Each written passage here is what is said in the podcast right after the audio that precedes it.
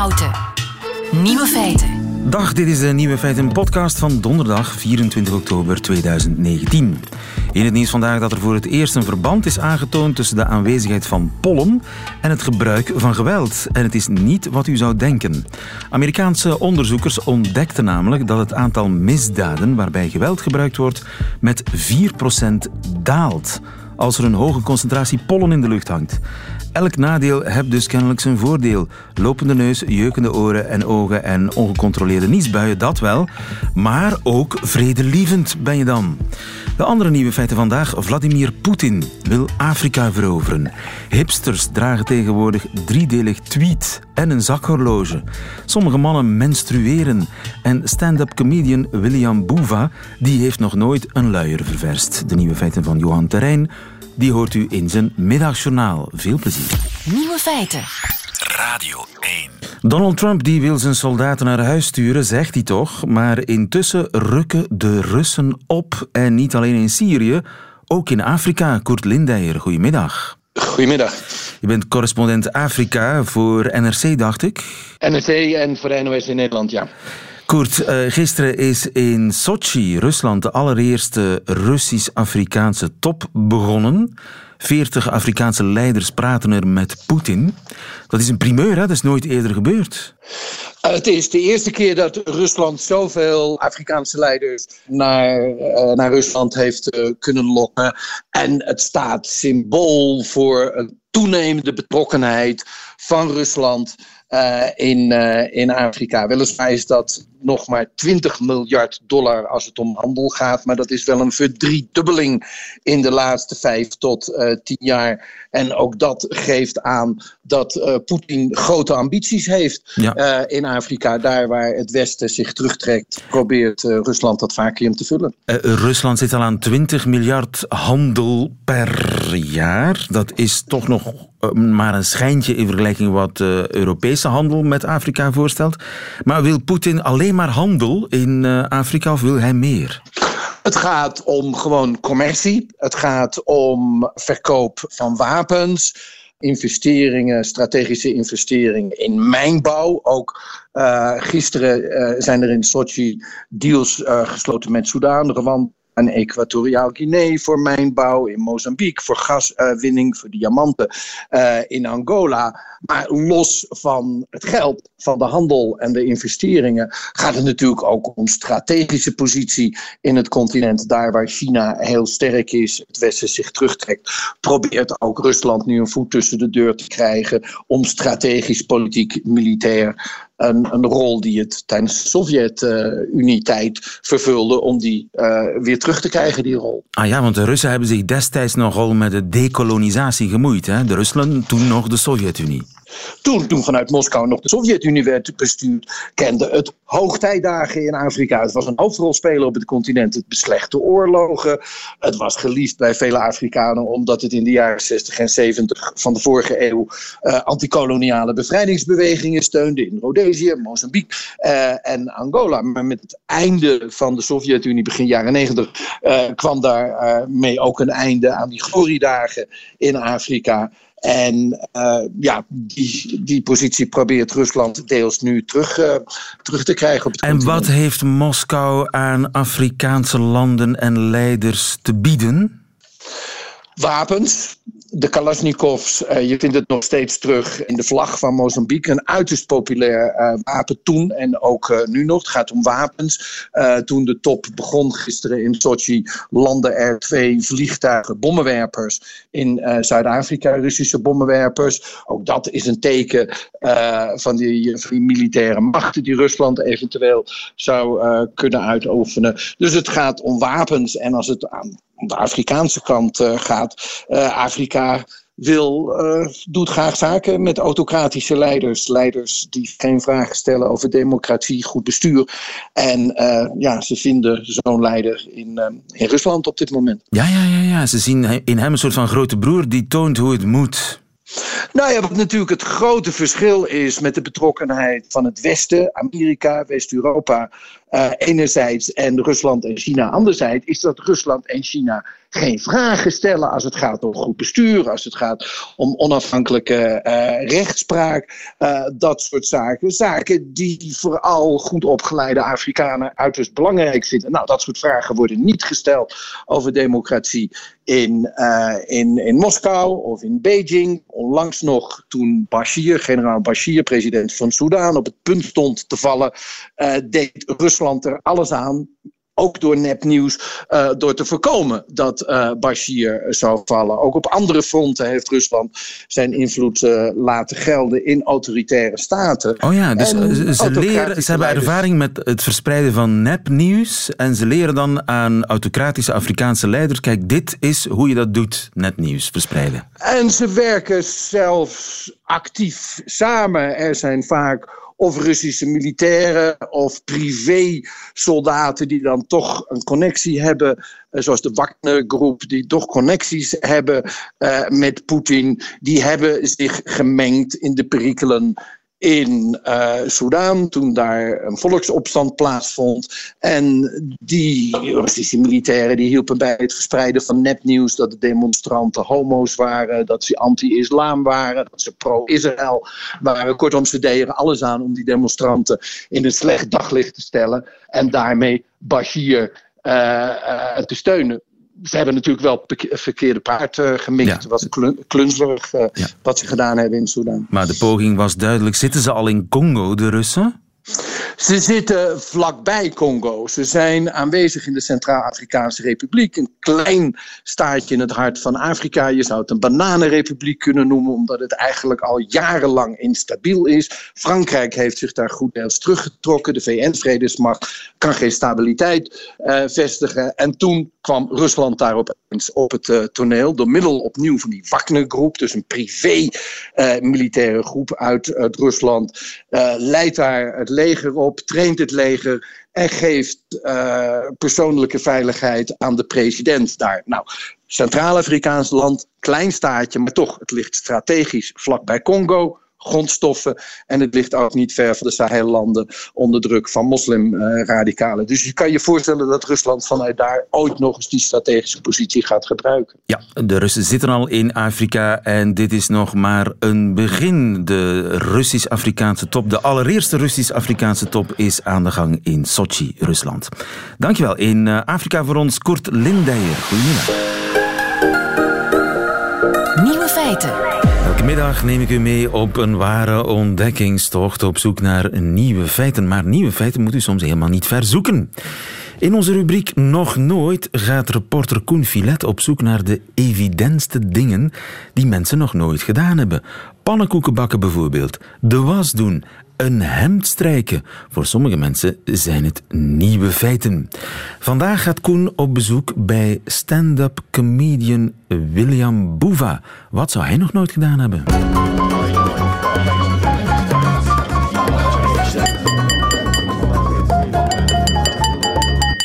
Ik ben William Boeva en ik heb nog nooit een luier ververst.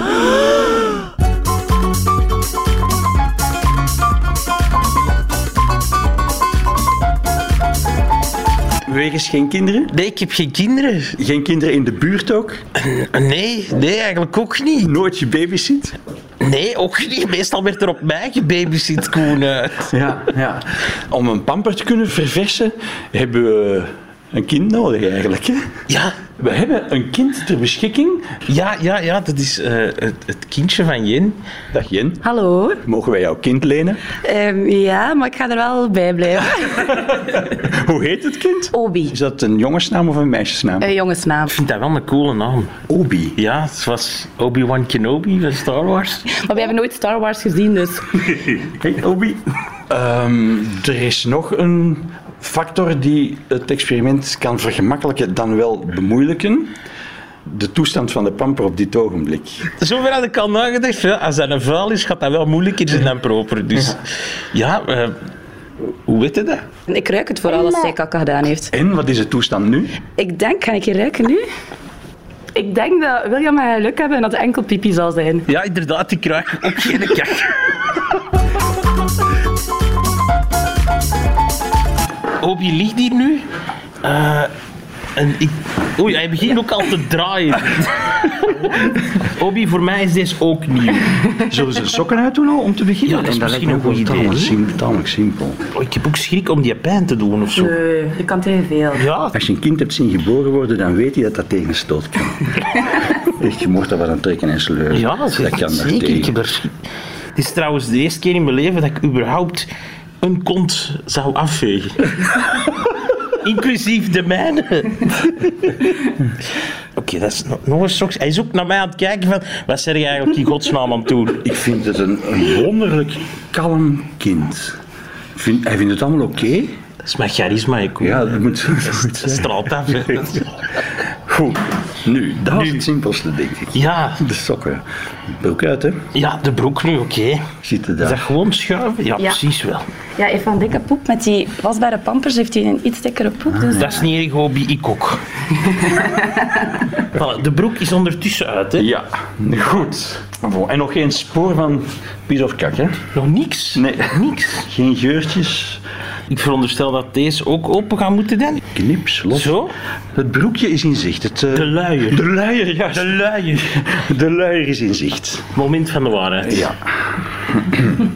De luier moet uit. Zitten daar ergens knoopjes aan? Of, eh? ah, hier opzij. Ah, oké, dat is hier ook met Drukknopjes. Zo. De ene kant. Knips. Zo, voilà. Het is een jongetje. Dat is, dat is duidelijk. Ja. Oké, dan moet dit er onderuit, vermoed ik. Zeg maar, dat is echt geen vuile pamper, hè? Nee, joh. Dat valt dicht mee. We kunnen die terug aandoen, denk ik. Eh, ik vermoed... En ook bij die, bij die wasbaren, die, die geur is ook veel minder sterk. Ja, ik ruik niks. Hij heeft echt veel geplast, maar inderdaad, je ruikt dat niet. Als je nou echt boven hangt, Koen, dan, Jawel. dan ruikt er wel iets. eh, Jij zit daar dichterbij. Oké, voilà. Zo, moet je dat dichtplooien of zo? Nee, die mag in de, die mag in de wasmand. Die mag gewoon in de was. Dat weegt ook wel veel. hè? Echt waar? Nu wassen, hè? Ja, voilà. Billen wassen, piemotje wassen. Oh, die plooitjes. Dat is... Obi maakt geen enkel bezwaar. Kijk, bijzonder geïnteresseerd. Een beetje uitspoelen misschien, voilà. Voilà, dat gaat eigenlijk redelijk vlot. hè? Voilà. Moet dat nog afgedroogd Ja. worden? Mag dat mee in de was? Ja, dan mag dat weer. Oké. Nu, de propere. Oké, nu komt het... Dat wordt het... Want dit moet eronder. Dat moet eronder. Ja. Oeh, Nu moet je dat kind met, met zijn voeten omhoog.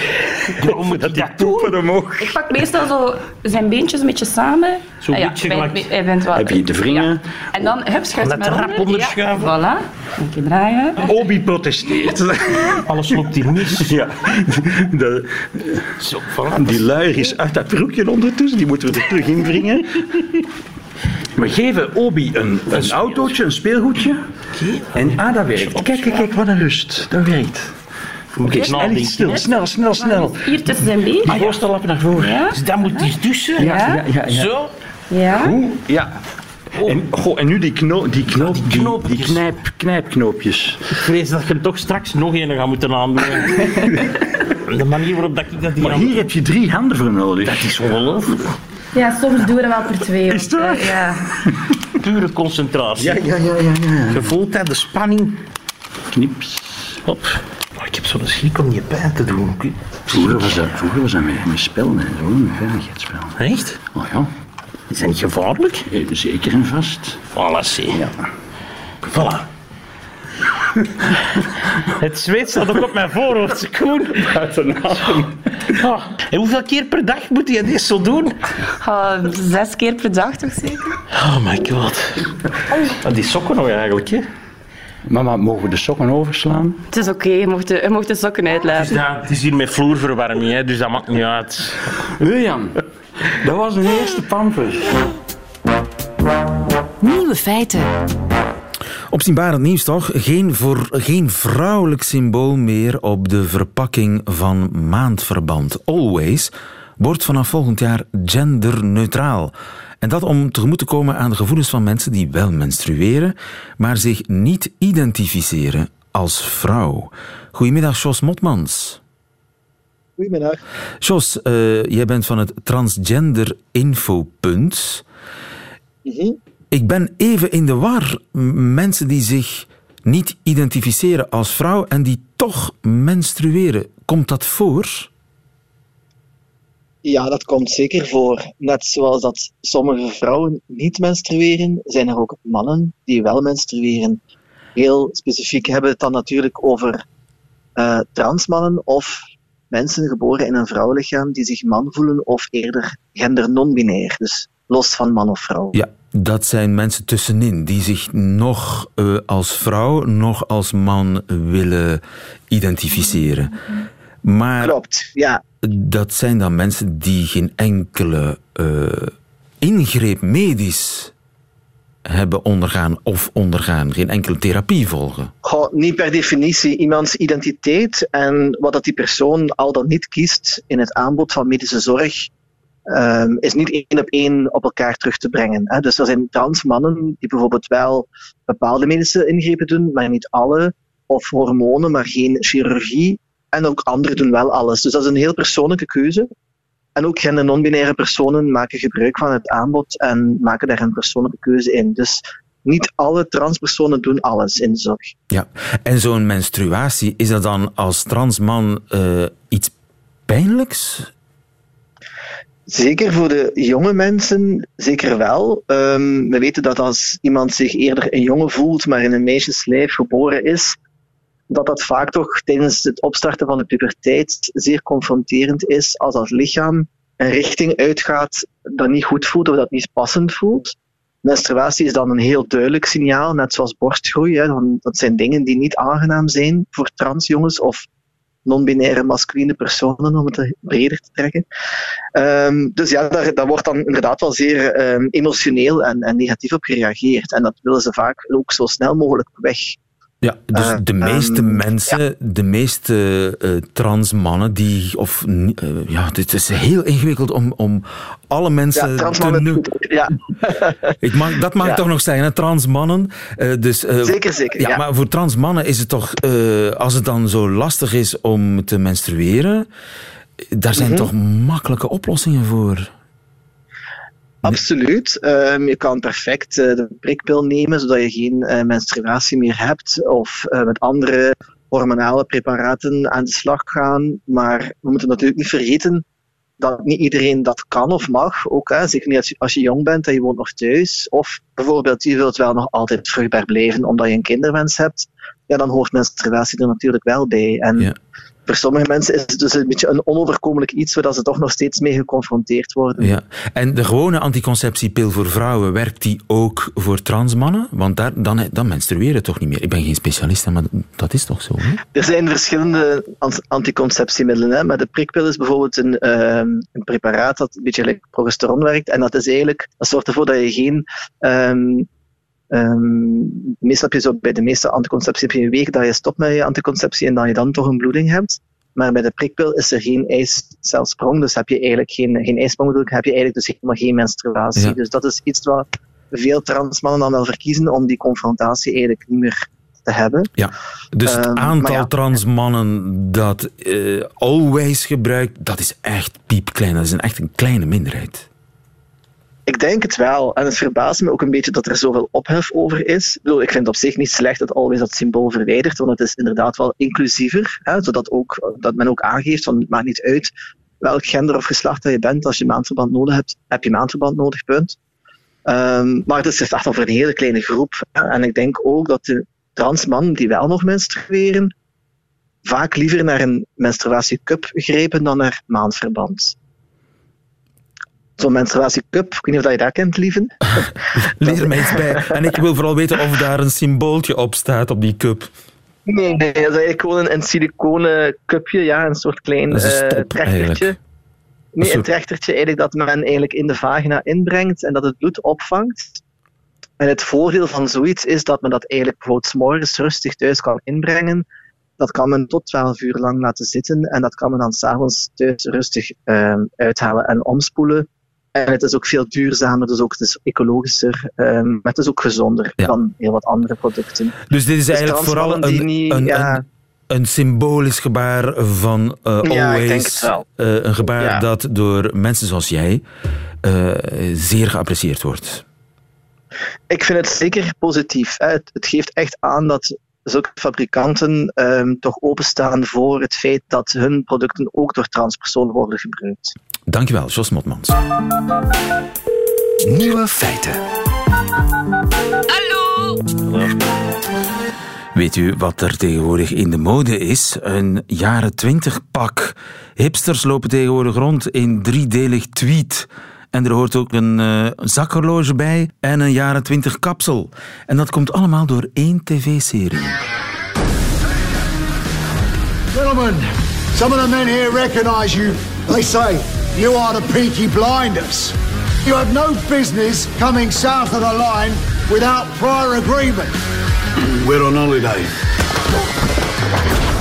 Peaky Blinders, te zien op Netflix, de BBC-reeks die een modetrend heeft teweeggebracht. Goedemiddag, Tim Milans. Goedemiddag. Je bent regisseur van De Patrick, de film, maar ook van het derde seizoen van die reeks Peaky Blinders. Wie zijn die Peaky Blinders? Waar slaat die titel op? Peaky Blinders slaat op de messen die ze in hun caps hebben zitten. En daarmee sneden ze de ogen van hun vijanden over. En um, ja, de Birmingham-term Peaky Blinders, dat is waar de naam vandaan komt. En waar zaten die messen? Die messen zaten van binnen in hun, um, in hun hoedjes. In hun ah ja. In ja, ja. hoedjes, ja, je kan dat zien. Die gebruiken ze ook. Want wanneer ze vechten, dan trekken ze het van hun hoofd. En dan, uh, dan gaan ze er met de keer. Het zijn een soort gangsters. Ja, klopt. Ja. En de gangster van. we zitten in de jaren twintig. Klopt, ja. Het is een, een gangsterfamiliedrama, eigenlijk, zo je zegt. En speelt zich af in Birmingham. Klopt. En uh, die reeks is ontzettend populair. Ja, zo blijkt, ja. Um, dat is, wanneer dat ik er ben ingekomen, was het nog niet zo populair als dat het nu is.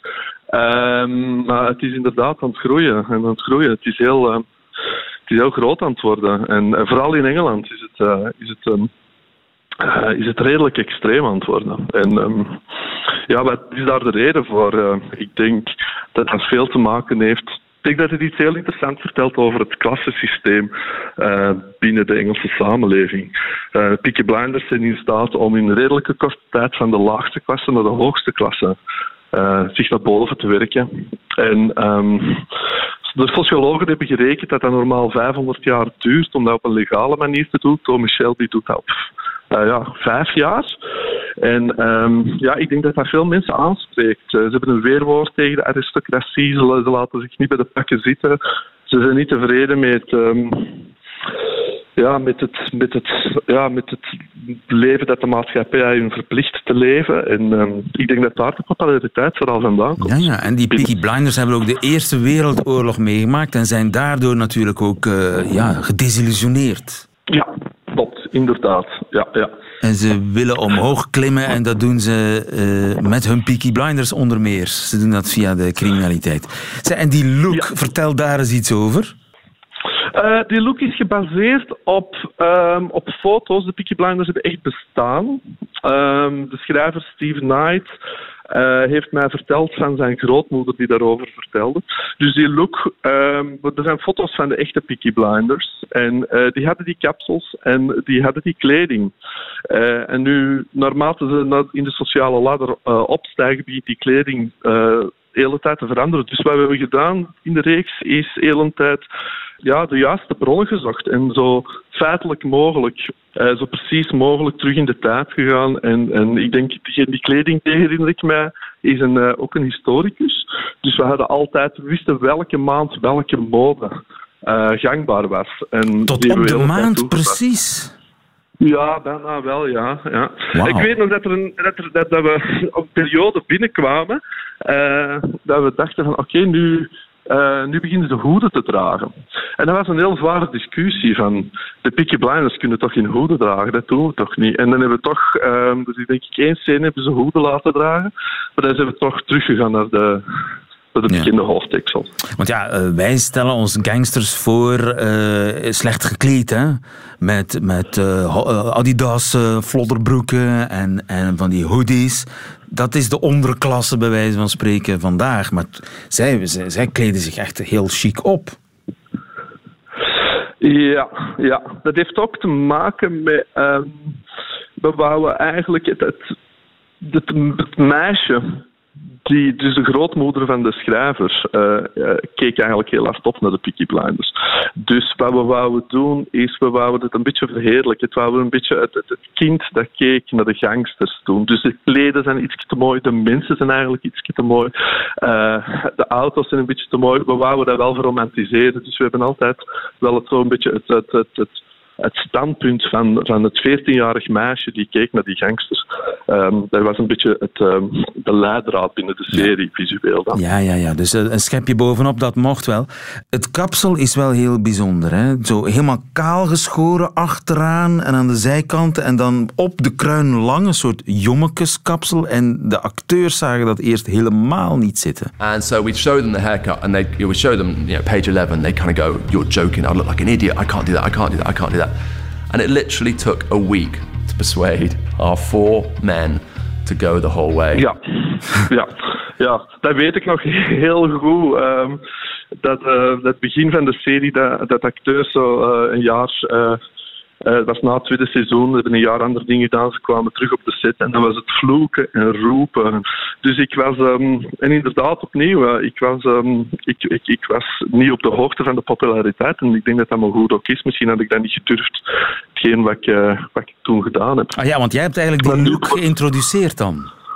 Nee, nee, absoluut niet. Nee, nee. Hetgeen wat ik veranderd heb is... is um, is een klein beetje um, de personages iets meer vulnerable te maken, meer um, iets, iets zachter te maken, iets meer gangsters die door een existentiële crisis gaan. Ik, dat vond ik interessant om te vertellen. Ze worden vader, ze stellen zichzelf de vraag van, ga ik dit heel mijn leven doen? Um, zijn we dan niet beu om mensen te vermoorden en te killen? En, en, en dat vond ik interessant. We wouden ook zo een beetje af van de swagger. Dus dat wil zeggen de coolness, het, het, het, uh, het, het verheerlijken van het geweld. Ja. Um, ja, ik denk het eerste seizoen is een beetje de opium. Uh, het tweede seizoen is de cocaïne. En mijn seizoen is eigenlijk, uh, ja, toen Engels heet dat de come down. Uh, uh, de, de dag daarna dat je beseft van shit, wat heb ik allemaal gedaan? De depressie. En niet alleen de look is een trend geworden, ook Birmingham is een populaire toeristische bestemming geworden. Birmingham. Ik ben er nooit geweest, maar het heeft niet zo'n goede reputatie. Hè? Het, de meeste mensen zeggen, ja, het is lelijk, Birmingham. Ja, een beetje zoals het accent. Hè. Wordt dikwijls Birmingham's accent, wat ook Peaky Blinders is, wordt, wordt gezien als het lelijkste accent binnen de Engelse taal. Uh, het is heel vreemd dat het populair wordt. Ja. Maar is het Birmingham van vandaag nog enigszins te herkennen in de serie? Um, nee, want ik denk meesten hebben gedraaid in Liverpool en Manchester. uh, een paar zaken in dingen, dus er daar nog heel veel gebouwen uit de jaren 20, 30 die, uh, die overgebleven zijn. Dus we zijn uh, natuurlijk naar, de, naar die plaatsen getrokken. Birmingham. Birmingham is heel hard gebombardeerd geweest in de Tweede Wereldoorlog. Dus um, heel veel van die plekken bestaan niet meer. Het uh, Birmingham van Peaky Blinders bestaat niet meer, maar de serie zelf is een, een hit en de bijhorende kapsels en haardracht en zakhorloges zijn dat ook. Tim Milans, dankjewel. Goedemiddag. Nieuwe feiten. Dat waren de nieuwe feiten van 24 oktober. Alleen nog die van Johan Terrein heeft u van mij te goed en u krijgt ze in zijn middagjournaal. Nieuwe feiten. Middagjournaal. Beste luisteraar, rijkhalzend kan ik uitkijken naar dat moment van het jaar dat de grote dikke, uh, Van Dalen is dat, het nieuwe woord van het jaar bekend maakt. Het is namelijk zo'n moment waarop je kan aftoetsen of je het afgelopen jaar wel goed genoeg hebt opgelet. Soms wordt er een woord verkozen dat voor de hand ligt omdat het is ontstaan uit noodzaak, zoals selfie, ontvriende, flitsmarathon. Soms merk je dat een hele wereld aan je is ontgaan. Dat had ik met friet-Chinees bijvoorbeeld. Ik had niet eens door dat die bestonden, wellicht omdat ik te weinig naar de frituur ga. Of Samsung-seks had ik ook nog nooit gehad. Of tentsletje. Ik zei het al, een hele wereld ging voor me open. Zelfs staffelen. Nee, niet, dat is niet staffelen, het is swaffelen. Mijn autocorrectie kent het woord nog steeds niet. Allemaal woorden van het jaar die mij enigszins kwamen verrassen en of confronteren met het feit dat ik niet goed genoeg had opgelet doorheen het jaar. De Brexit, winnaar in 2016, die had ik wel zien aankomen. Het woord voelt terecht wat Engelsig aan en gelukkig maar, anders hadden we het nu de hele tijd over de bruidgang moeten hebben. Hoe sterk die woorden zich echt in onze taal genesteld hebben, daar hebben we een beetje het raden naar. Sommige van die woorden blijven, andere verdwijnen weer. Voor 2019 mogen we trouwens nog voluit voorstellen insturen.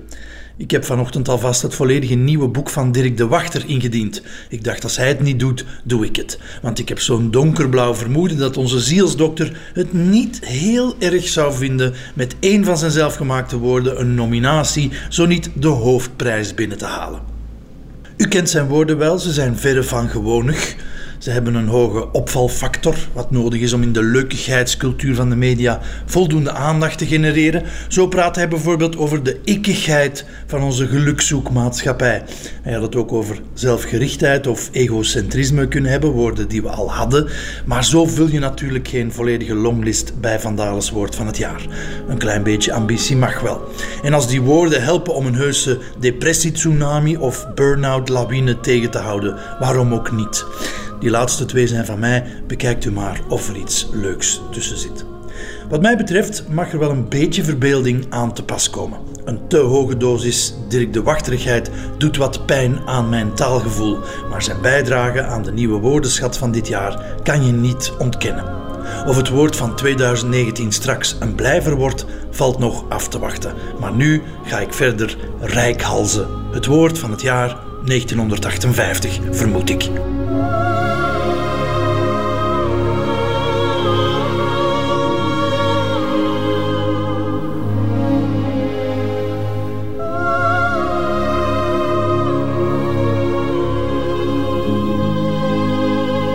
Het middagjournaal met Johan Terrein. Einde van deze podcast.